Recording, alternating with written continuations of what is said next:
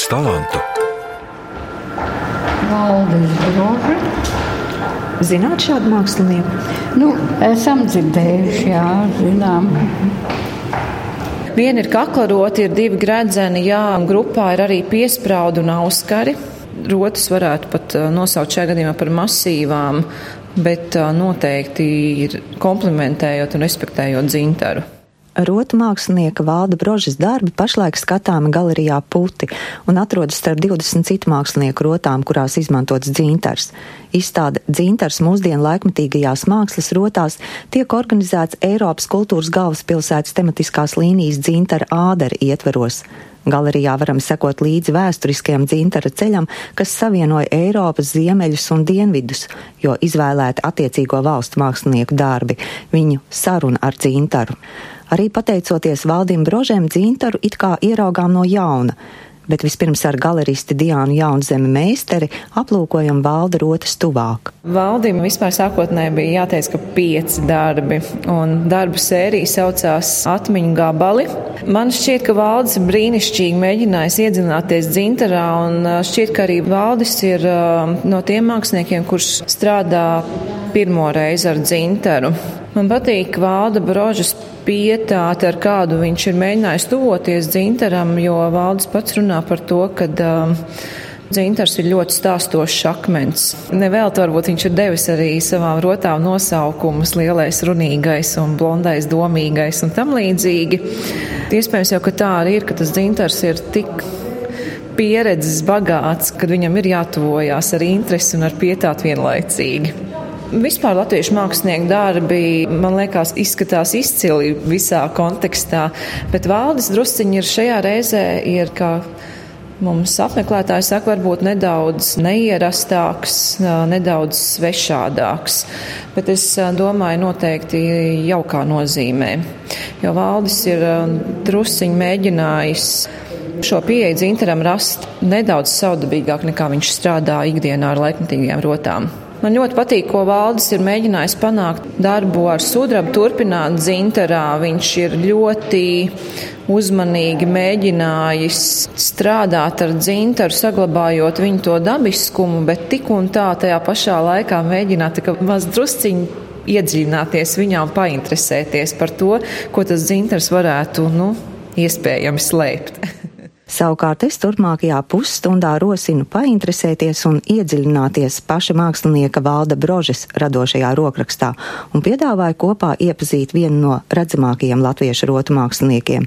Uzzināsiet, kāpēc var teikt, ka Valdis ir rotu mākslinieks jau kopš bērnības, kāpēc joprojām piemin viņa diplomdarbu un ko atklājas strādājot ar dzintaru arī Valdis Broži uz sarunu ierodas no galerijas puti, kur dzintara rotas apvienotas kolekcijā atmiņu gabali. Jā, pat taisno no galerijas, apskatījos, kā tas šobrīd izskatās. Sapratu, ka vēl jātais dzintars ir ir pamainījies attiecībā. Ļoti ilgi vienmēr bijis tas priekšstats par tām vecām brošiņām. Īstenībā jau tas skaisti ir, bet Lietušķos arī tur nav iedzīts nekas pret to, bet kaut kā izveidojas, bija, ka tu nekad nevari iedomāties, ka vispār varētu ar viņu strādāt. Un mēs runājam ar pārējiem kolēģiem arī, ka visiem pamainījies ir pēkšņi, ka gribās arī kaut kādu sajūtuši to materiālu pēkšņi ir. Jo es tikai no Diānas uzzināju to, ka jūs pirmo reizi strādājat ar dzintaru, jo man bija sajūta Jā. tos darbus vakar apskatot, ka es domāju, ka jums tas ir pazīstams materiāls. Nē, nē, es kaut kādus divus gadus atpakaļ Mēģināju viņu savienot ar zeltu un tā iziet no situācijas, jo gribējās to dzintaru. Un tur nekas nesanāca. Es viņu tur arī grebu, un viss likās, nu, tuvu, tuvu un nav. Neatradu tos kopsaucējus ar viņu, bet pēc tam kaut kā tieši tagad arī. Tā plānā izstāde bija no tādām plāksnītēm, kaut kā tur tās papīra sajūta ar viņu, un tā, tā ļoti patīk, ka dzintaram, ka tā miziņa ir, un, un ka redz arī bišķiņa, kas iekšā, tad pēkšņi kaut kā atklājās. Bet arī tas, nu, viegli tas negājas, kad mēnesis sēdēja, nu, kā es saku, bija detaļiņas pa galdu un saprot, ka nu, nekas nesanāk no tā. Un tagad šie darbi ir ar sudrabu kopā. Jā, jā. jā. Tie dzintara gabali jūsu darbos ir diezgan iespaidīgi. Jā. Tas nozīmē, ka jūs esat vēl no lielākiem gabaliem. Viņus kā tas tīri tehniski, praktiski Nē, notiek? Man, man bija, man iedeva viens draugs tos gabalus, un viņi sanāca arī tieši kaut kā pirms kaut kāda gada iedeva, un es sāku skatīties, viņam kaut ko vajadzētu darīt. Un tad pamazām arī izrādījās pēkšņi, ka tā izstāde ir un viss kaut kā ļoti savienojās. Izstāde jau prasa arī tur savu koncepciju un nosaukums, Jā. un jūs arī esat uh, devis nosaukums Jā. baltais, domīgais, lielais, runīgais. Drīzāk ir tā, ka viņas bija jāuzliek, jo man gribētos pat vairāk, lai cilvēks pats skatoties atklāja, kas tur ir iekšā, jo es ļoti negribās teikt priekšā, kas notiekās, jo tas ir atkal mans personīgais kaut kāds ceļš, kā es sevi tur skatos, kas ar manīm pašu notiek un strādājot cilvēkam, kas atnāk, viņam ir tieši tas pats būtu jāizdara. Tomēr ir, bet arī tam darbam jānostrādā. Tas nozīmē, lai viņš atrastu. Un bieži vien, kad man saka, ka kādas asociācijas veidojas, mm, tas viens no lielākajiem komplimentiem ir, ka tur, tas ir tas, tas un pēkšņi kaut kā saslēdzas no dažādiem cilvēkiem. Tas to pierakstu arī tāds Jā, interesanti. Man likās ļoti mīļi tas, ka jums tajā dzintara kaklarotā ir apkārtie, jūs jau man izlabosiet, tie nav vienkārši vadiņi droši jā, vien, bet kas tie izskatās ļoti, bet izskatās ļoti līdzīgi. Mm. Un arī tas raisa mm. asociāciju mm. un aizved kā kādā tādā bērnības sajūtā. Jā, tās ādas siksnīs vienkārši nokrāsots, viņam tā krāsa ir tik dīvaina, tā bāli zaļā, kas atkal no dzintara labi izskatās kopā. Bet, nu, redz, būs nostrādājis arī tādā jo, veidā noteikti iedvesmojos no tā, ko es par jums iepriekš eh, lasīju, ka jūs esat ļoti āgri bērnībā jau izvēlējies šo jā, jā, rotu tas, darināšanas mm, lietu jā. un darinājis no tām stieplītēm mammai. Jā, viņa pat kastītē ir tur no plastikas taisītie melnie gulbi kaut kādi, no ļoti smalciņi, tad maziņi, man bija tāda ļoti labi redzi, un es ļoti tādas smalciņas taisīju. Jā, to es kaut kā tā ātri atklāju. Bet kāpēc? Nezinu. Rados neviens nav bijis, un es tā ļoti skaidri zināju arī, kad es uz metāla nodaļu, kaut arī tur bija daudz grūtāk iestāties, un tā spītīgi, tur nu, tomēr tad viss tā izvērtās, tā kā zinājis. Bet tas metāls, tas jau tāds vīrišķīgs, tas ir tā lieta, ko puisim darīt, man liekas, ar metālu. Nav arī tā, jo, man liekas, Vācijā pat senāk sieviešu vairāk rotām, kas strādā. Mums bija kursā gan tikai divas meitenes, bet tagad pārsvarā esot meitenes. Tā saskare ar rotu darināšanu, vai atcerieties, nu, neteiksim tās, Jā. kas mammai tagad tur glabājas kastītē kā liela dārguma, bet vēlāk. Kā jūs sākāt, ar ko sākāt? Man pat sanāca, kad es jau pamatskolā taisīju no misiņa auseklīšus ar karodziņiem, sarkanbaltsarkaniem par ko tur vecāki tā, protams, tā, tā baidījās, jo tas vēl nebija tas īstais laiks. Un tā, varētu būt, kad arī pirmā saskara, jo ar sudrabu pārējais bija tas jau lietišķo laiks, ir, kad tad to materiālu atklājot, vēl tādu lodēšanu, tad nevarēja, tad varēja pirms tam varēja tikai ar alvu un tādu vienkāršākā veidā. Tā. 93. gadā jūs esat saņēmis balvu par originalitāti juvelieru konkursā. Jā. Ko tas nozīmē? Censties pārspēt, pārsteigt, kaut ko radīt ne tādu, kas līdz šim ir bijis? Nu, tur sanāca bišķiņi savādāk uztaisījā darbu, jo tāda liela mandaļveida forma, kura bija visi no tieviem diedziņiem savīti. Un tur veidojās tāds ļoti īpatnējs efekts, bet tas arī bija tāda pirmā pieredze, un varbūt arī tur neviens tā nebija taisījis tajā brīdī, kad viss bija tāds klasiskāks. Tas ir vēl lietišķo laikā, pat, kas man tā pat jau miglā tīca. Viņš tikai atceros, kā tas notikās. Bērnību pavadījis Latvijas čakas. Valdis Broži ir Rīgas puika, kas bērnību vadījis pilsētas centrā, un varbūt tāpēc mācījies pāri ielai lietišķajos. Šajā brīdī dosimies uz Lāčplēšu ielu, kur savulaik metāla dizainu apguvis Valdis Brože. Tagad tā ir Rīgas dizaina un mākslas vidusskolas nesen restaurētā koka ēka un tai blakus pieguļošais mūrnams, kurā notikušas un joprojām notiek metāla mākslas nodarbības. Te sastopu citu rotu mākslinieku Māri Šustiņu, kurš Rīgas dizaina un mākslas vidusskolā ir metāla izstrādājuma dizaina programmas vadītājs. Valdis pazīst jau ļoti sen, un mēs tiešām kā kolēģi skaitamies. Viņš arī šo skolu, šo nodaļu beidzis, kur mēs pašlaik eh, sēžam un runājamies. Šī Rīgas dizaina mākslas vidusskolas, tajā laikā viņa saucās metāla mākslas nodaļa, tagad jau viņa ir metāla izstrādājuma dizaina programma. Ja? Nu, jā, viņš ir viens no nedaudzajiem aktīvi strādājušiem māksliniekiem, kas tieši strādā mm, rotu jomā pamatā. Es zinu, ka viņš arī glezno un veido varbūt kaut kādas skulptūrālas kompozīcijas. Un, Viņam bija sadarbība vienā, vienā multiplikācijas filmā. Viņi veidoja tādas, izmantojot to mamutu kā tādas cilvēkus kustīgus, kinētiskus. Ja. Varbūt viņš ir atgājis no savām tām ierastākajām emaliešanas tehnikas eh, stilā veidotiem darbiem. Bija gan te varēja ar vērīgu acu samanīt. maza maliņa apkārt dzimta, kas bija tomēr tā emāla ieklāta. Nu, tas ir pat ļoti labi, ka tu nepazaudēji galīgi to, lai tevi var atpazīt. Ja? Un, jā, jā, viņam tādas skarbākas, asketiskākas palikušas, tādas nu, nopietnākas, tādas stilistika tāda atturīgāka, tāda vairāk tādas skaldnes un, un nekādi kruzuļi lieki, ja, un, un arī akmeņi nekādi. Šī gadījumā tiešām tas viss uzsvers bija uz to dzinteru. Daudz viņš nebija zāģējis, bet to jau aiziet jāapskatās noteikti. Izstādi jau vēl kādu laiku skatām būs. Jūs pieminējāt šo skolu, šo vietu, kurā mēs arī pašlaik atrodamies. Es nepaskatījos jūsu abu dzimšanas gadus un tos nesalīdzināju. Vai vienā laikā šeit esat uzturējušies kā skolā? Nē, mēs neesam paralēli neesam mācījušies. Es tik zinu, ka valdes iegājis mazliet skolas vēsturē savu diplomu darbu, kas tapa pavisam skarbos apstākļos. Tur mums lejā vēl nebija nekas remontēts, aiz tādiem skapiem bija tie darbgaldi. Un, Un pats viņš studēja krieviski rakstītas grāmatas par to, kā strādāt ar emāli. Tādā pašmācības ceļā lielā mērā arī iesāka strādāt ar emalijām. Tiešām tas diploms darbs bija sudrabā, un zeltā, un emalijās un akmeņos. Nu, ļoti profesionāli. Es tagad taisos mūsu skolas mājaslapā. Facebookā ielikt, tā kā mums tur tāda sērija aizsākta, ir atveram nodaļas albumu Nu, tagad no valdes atsūtīja bildes. Tas nākamais darbs būs ja, pirmsākuma, agrīnais brožs. Ja. Teiksim, arī pasniedzot stundas, šeit mēs atskatāmies, kas ir nodaļā darīts. Līdz šim ļoti interesanti viņiem, kādi tik te darbi nav tapuši. Nu, ja teiksim, vidēji gadā desmit audzēkņi beidz metāla nodaļu, nu, tad parēķinam. Jo tiešām daudz brīnās, vai tiešām tas viss ir taisīts. Gan ļoti skaistas kannas mums ir visādas kafijas, tējas, kannu sērijas Tad ir ļoti daudz garšvielu trauki, ja sudrabs, vēl nebija tik dārgs. Tad bija vienai meitenei ļoti skaistas sudrabrokas somiņas ar, ar dārgakmeņiem un emalijām arī.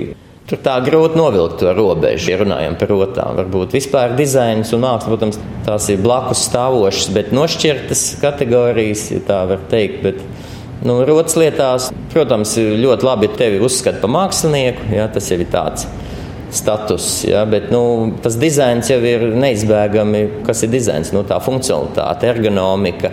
Tās rotas svars un, un, un plastiskums, lai viņi neskrāpē, nedurās un nav tik nesamērīgi smaga vai liela. Jā, lai, protams, uz izstādi jau var konceptuālā rota taisīt. Jā, un, bet nu, mēs vairāk varbūt Latvijā nestrādājam tik daudz konceptuālā rotas jomā teiksim, tā laikmatīgā rota tā ir, bet viņi ir faktiski valkājami. Par rotu māksliniekiem tad parunāsim mazliet tādā konkurences ziņā, vai, piemēram, jūs ar valdi konkurējat? Domāju, ka nemaz nekādā mērā. Nē, nē. Mēs esam labi paziņas un, var teikt, draugi. Un vispār, cik mēs esam rotu mākslinieku pulciņš, ja, nu, tie var būt 5, 10, nu, varbūt 15 cilvēki. Jā, diez vai vairāk mēs saskaitīsim šeit Latvijā, kas tā nu, aktīvāk sev piesaka.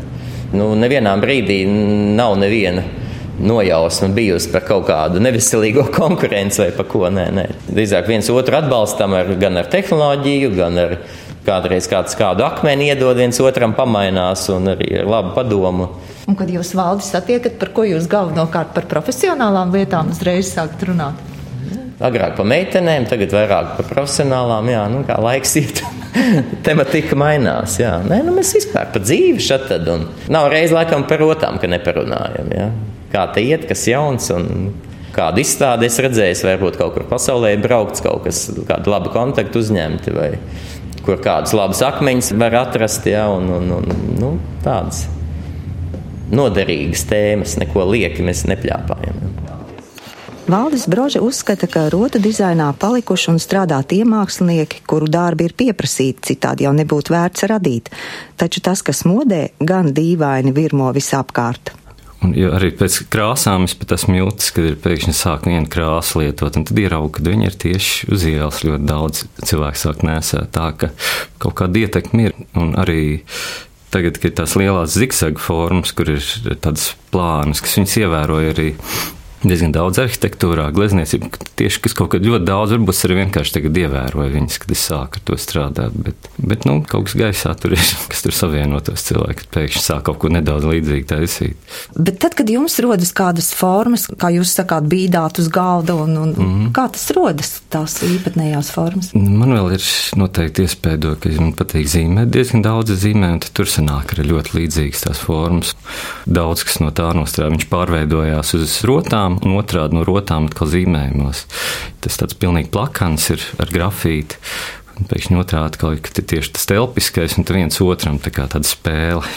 Tad viens otram sit to bumbiņu. Bet droši vien, ka tā fantāzija ir tālāka, plašāka nekā to reāli var īstenot. Tas jā, bet tu ideja sanāk, ka laiku tu nerealizē kaut ko. Sanāk ļoti daudz tās lapas, viņas krājās čupām, bet tad atkal viņi iziet to ceļu un pēc laika viņi atkal kaut kā pēkšņi uzpeld. Tu nekādīgi nevarēji atrisināt kādu konkrētu izdomātu uzdevumu. Pēc laika tu jūti, ka viņš pēkšņi dabīgā veidā, bet pēc ļoti ilga laika pēkšņi atrisinās pats. Tā bija arī ar to plāns. plāns? Jā, jā, jā, tas ļoti ilgi gājis. Un tās eņģis vienmēr ir patikušas tās apstrādājumi. Te tieši tā savienojuma daļa, lai viņi būtu tā galvenā. Un no tā tas atrisinājās vienkārši. Nu, tur tās eņģis bija ļoti lielas. Viss, ko es gribēju, laikam, tur sanāca. Valdis Broži strādā ar zeltu, sudrabu, dažādiem dārgakmeņiem. Mākslinieka rokraksts nemainīgais lielums ir darbs ar emālju. Citu neparastu materiālu klāstā izmantojas arī mamuta kaulu, un tas man šķiet gana neparasti, pat eksotiski. Turpat mēs diezgan daudz izmantojam. Viņš ļoti pateicīgs materiāls, ir, jo tu viņu var grept. Viņš ir viegls un ļoti patīkams pēc skata. Kaut kas līdzīgs var teikt dzinteram, jo arī pirmsākuma bija, kas tieši sāka viņu greb dažādas kā, dzīvniekus iekšā un, un patikās ar tā, kas tagad ir nu, pārgājis uz dzinteru arī, kur tādas greptas lietas ir. Un to ilkni, piemēram, kā tiek pie ilkņa? Viņi ved pārsvarā no Krievijas kur upes krastām, kur diezgan daudz tieši mamuti bija gājuši nomirt, un tur tie ilkņi atrodas, ka upe izskalo krastu un izskatās pēc tādiem koku bomiem. Tā ir grūti pat atšķirt no koka, jo tā mīza ir izteikta. Un, un tāda silta krāsa, silta balta, bet kaut kas līdzīgs uz ziloņa kalnu, bet man liekas, ziloņa kalns ir bišķiņ, bišķiņ baltāks pat. Es tikai gribu tagad atkal atsākt, bet nu, vēl vajadzētu pie tāda dzinterbišķiņa ilgāk pasēdēt, apskatīties, kas tur sanāks vēl. Un tur arī tā sajūta droši vien par to, tāpat kā par to mamu tilkni, ka tas ir tik sens, ka tas mm. ir tik daudz ko piedzīvojis, ka Jā. tas arī tajā rotā varbūt mm. kaut kādā veidā nodod kaut kādu vēsti. Mm -hmm. Jūs par to mēdzat tā izdomāties? Jā, ja man sanāk tāds iekšējs dialogs ar tiem materiāliem, bet nu, tad kaut kas tur nāk ārā, jo tas process ir tāds runājot ar to. Es neskicēju precīzi skices, un tā pārsvarā strādājot, skatos, kā veidojās. Un bieži vien pat ideja, ko tu izdomājies, ka tu gribētu realizēt, nesenāk, ka visu laiku tie ceļi aiziet uz visām iespējamām pusēm. Tad pēc gadiem izlien ārā kaut kas pilnīgi cits. Un tad realizējās varbūt tas, ko gribējās. Bet jums tā nav, ka nu, tagad ārprāts es nezinu, ko darīt, man nav ideju, tad jums tā nevajadz būt, vai ne? Nē, nu, ir kaut kādi brīži, kad nestrādāju, bet tas jau tikai loģiski, tā ir tāda kāpuma krituma ir, bet tad ļoti labi strādājas, pēkšņi ir tāda, ka tur, tur, tur ir tā detaļa bīdīšana pa galdu, ir, bet tas ir darbs, bet viņš ārēji varētu izskatīties, ka vienkārši sēdi un tā tur kaut ko tur domā, bet tas ir nepieciešams ļoti. Galerijā puti notikušas daudzas valda brožas izstādes, arī jau pieminētā plāns plāns, un kā uzsver galeriste Diāna Jaunzeme meistere, sadarbība ar mākslinieku ilgs tik gadus, cik pastāv galerija. Tātad 14. Valdis ir ļoti talantīgs mākslinieks, absolūts tīradnis, manuprāt. Valdis iespējams, ka atšķirās uz citu mākslinieku fonu ar to, ka viņš izcili strādā ar emāliju Viņš ir ļoti nepieradināms, nepieradināts mākslinieks. Valdis var pārsteigt ar milzīgu arī amplitūdu savā darbā. Viņš var radīt gan sākot no klasiskām lietām līdz beidzot pilnīgi trakām un sirreālām. Viens no raksturlielumiem varētu būt arī tāda dabas bērna spēja salikt neiedomājamas krāsas darbos. Valdis nekad ar šīm krāsu kombinācijām nenošauja greizi. Tā ir pilnīgi mistika, kā viņš to jūt. Vispār mēs kā galerists arī esam ļoti lepni. Pasaulē ļoti daudz rotām, ar rotu virzienu strādā sievietes. Mēs esam ļoti lepni, ka mums ir puišu komanda. Visi mākslinieki ir ļoti talantīgi, un nu, Valdis ir viens no viņiem. Vai var teikt, ka Valda rotas ir arī mazliet kā tādas mazas skulptūras, kā tēlniecības darbi? Jā, Valda darbi tādi ir, jo tas, ko viņš dara, gan grabjot mamutu kaulu, piemēram, jā, viennozīmīgi šie darbiņi liecina par mazo skulpturālismu, viennozīmīgi, jā. Kad uh, Valdis šeit pie jums rīko izstādi, jūs droši vien iepriekš pārunājat, kas tad būs, vai ir arī tādi pārsteigumi? Jā, Valdim ir bijuši vairāk kārt personāla izstādes, un, protams, ka katra izstāde atkal no jauna ir izaicinājums. Bet valdim pēdējā izstāde gan man liekas bija tāda atšķirīga uz pārējo fonu. Izstāde saucās Plāns, plāns. Jo nu, strādāts ar sudrabu ir tik daudz, bet tas, ko mēģināja valdes manā pēdējā personāla izstādē, cik plānu matēriju vispār izstrādāt no sudraba, tas bija kaut kas brīnišķīgs un varbūt pat neierasts. Vienā plaknē darbi izskatījās masīvi, bet pagriežot pa 180, 90 grādiem, tie pilnīgi aizved kaut kādā tādā netveramā perspektīvā. Man liekas, ka tas bija brīnišķīgi tāds mests izaicinājums atkal un atkal darbam ar sudrabu.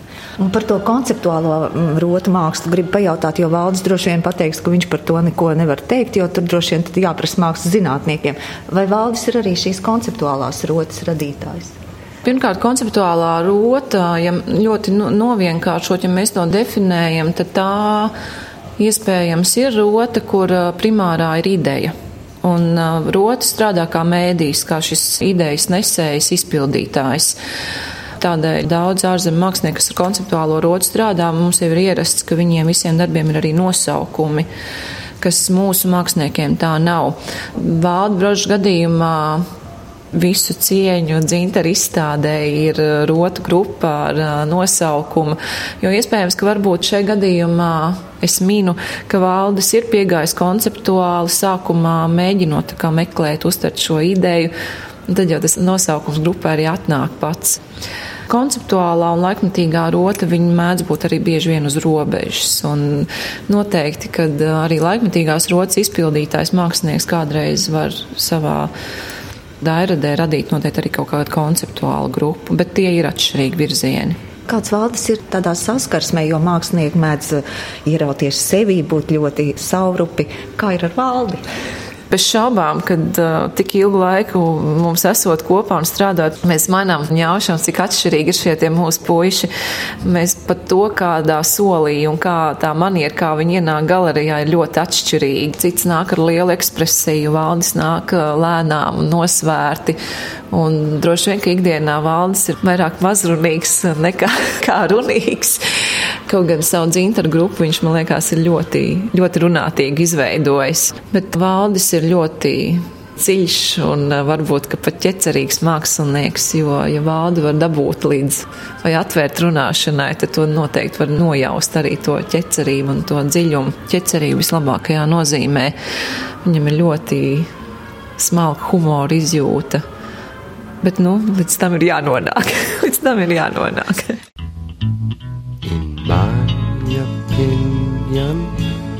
Is a race for a place at the bottom of the pile is neither.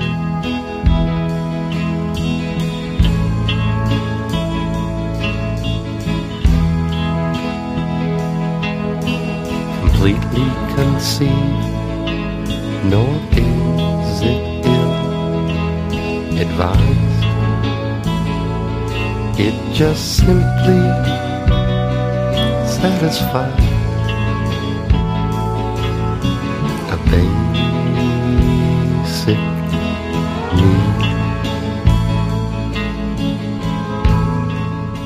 Valda darbnīcā skan mūzika, arī tad, ja radošais process no malas raugoties it kā apsīcis. Valdis to dēvēja par darba mūziku, kas savākt vairāk gadu garumā. Tiešām dažādi, un viņi katrā gadījumā viņi vilks ārā no tevīm, ko tev vajadzētu. Tur ir svarīgs ritms, kas palīdzētu strādāt. Bet citam varētu likties pat iemidzinoši, jo viņi ir tādi, kas aiziet fonā un tev sāk, tu nokļūst stāvoklī, ka tu pats aktīvi strādā. Mūzika varbūt pat ir daudz mierīgāk, kā izskatītos no sāna, kad strādā. Mani interesē arī neparastā sportiskā aktivitāte, ar kuru nodarbojas Valdis, un tā ir petanks. Valdis ir kluba biedrs un Latvijas Republikas čempionātos trīnieku sacensībās vīriešiem guvis bronzas un sudraba medaļas. Tas ir vasarā, sanāk tikai, kad kaut kādos brīvās dienās apvienots, lai ar ģimeni aizbraukt ārā pie dabas, vadā pārāk daudz sanāk pavadīt darbnīcā, es tur tā kā cellē sēžu, nelien ārā. Es tagad bišķiņ mazāk gan petāngas spēlēju, bet tas ir interesants. Nezinu, vai nosaukt par sporta veidu vai spēli. Tā ir ar tādām lodītēm. Jā. Un ko ar viņām dara?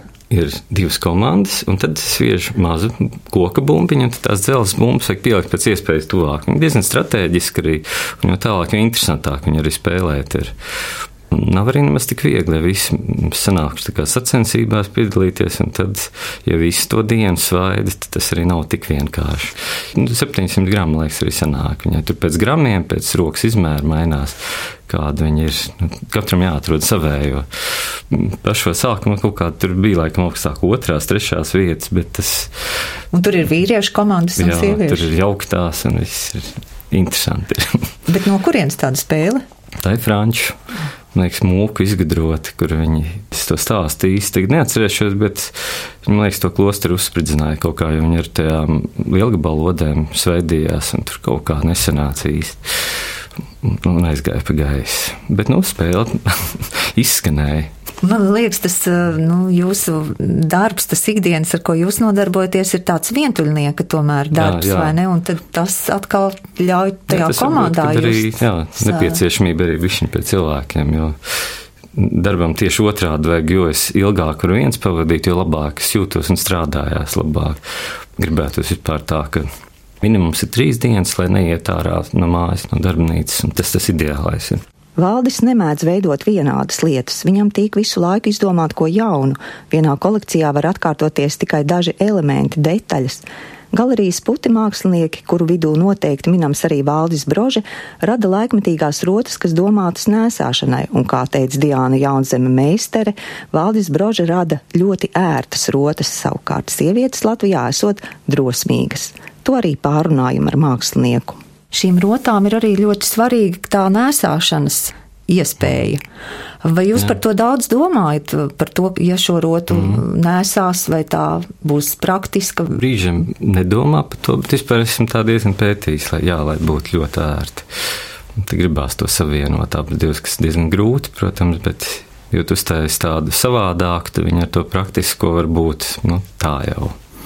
Tad viņi varētu būt tādi izējami, ka vienreiz, bet Es tieši man problēmas pašam nesāt bijis gredzeni. Vienmēr kaut kā uzvilkt, vien, vienalga kaut kāda vai ķēdītas, līdzīgi kurpnieki laikam stāst, ka nevar neko panēsāt. Un tad es speciāli sāku taisīt formulēs pēc iespējas, kas man būtu vērtāk. Un tad bija kaut kādas atradu formas, ar kuras es dienu varēju nostaigāt, un ka es nejūtu un ieraudzīju, kad viņš man uz rokas vēl ir. Nu, tad bija kā tas atrisinājums, no kur it kā ir pēc tam atrisinājies ar vispārējiem gredzeniem. Vismaz tieši tā, kur ir saskara cilvēki, lai tā būtu ērta. Bet katram jau droši vien ir individuāli tā sajūta, Arī, vai ne? Dažiem, protams, jābrīnās, kā spēj panēsāt kaut ko un pieprasa kaut ko tik dīvainu. Tad pārjautā, bet nu jā, kāds spēj cilvēks nesāt rotas, tas ir ļoti svarīgi. Ir. Un kā jūs vērtējat, kā Latvijā te, kur nesā jūs rotas? Mm. Laikam pat visvairāk man patīkās, kad ir tādas diezgan eklektiskas tā sajūta, kad ir ļoti dažādas rotas spēj nesāt. Tas uzreiz liekas tā skaisti. Dažādi, Dažādi stili, stili. Jā, jā, jā, pilnīgi. Kādā, jā, pat, bižu, ar... jā, pat tādā veidā, jā. Tad tur kaut kas liekas, tur ir tāds stāsts uzreiz. Ir. Jo komplekss uzreiz tā ļoti pārliecinoši, tas, nu, tas, jā, tas strādā, bet tomēr daudz skaistāk, ka, ka tomēr tā dažādība ir liela. Man liekas, tas gājas mazumā vismaz tādas, tādas brenda lietas sauktās tās. Man liekas, ka tas krīzes laiks kaut kā arī tā diezgan viss pamainījis kaut kā pēc sajūtām. Tik daudz arī neredz tas tā būtu. Jūs ejat ar tādām atvērtām acīm, piemēram, sabiedriskās vietās, tās rotas jums tikai krīt acīs, kas kuram nu, krīt. Jā, ir, jā, jā, jā, tas profesionāls klikšķis riebīgais, kas uzreiz skaties, kas tur ir. Tas reiz liekas, ka nav labi tā, bet automātiski tāpat tās acis pielīmējās. Vēl tikai atkārtošu valda brožas teikto par dzintaru. Viņa prāt tas sevī ietver pabeigtību, nevēloties stāstīt vairāk nekā jau redzams. Šķiet tādēļ mākslinieks nav pārveidojis vien izcēlis dzintara īpašo dabu. Un man sajūta, ka arī pats mākslinieks lieki nepļāpā, nevēlas stāstīt vairāk nekā jau redzams, jo rotas taču ir jāskatās, jābrīno un jānēsā. Ar šo domu arī atvadāmies. Raidījumu veidoja Jānis Raitums un Laima Slava. Viena Rīga, daudz talantu.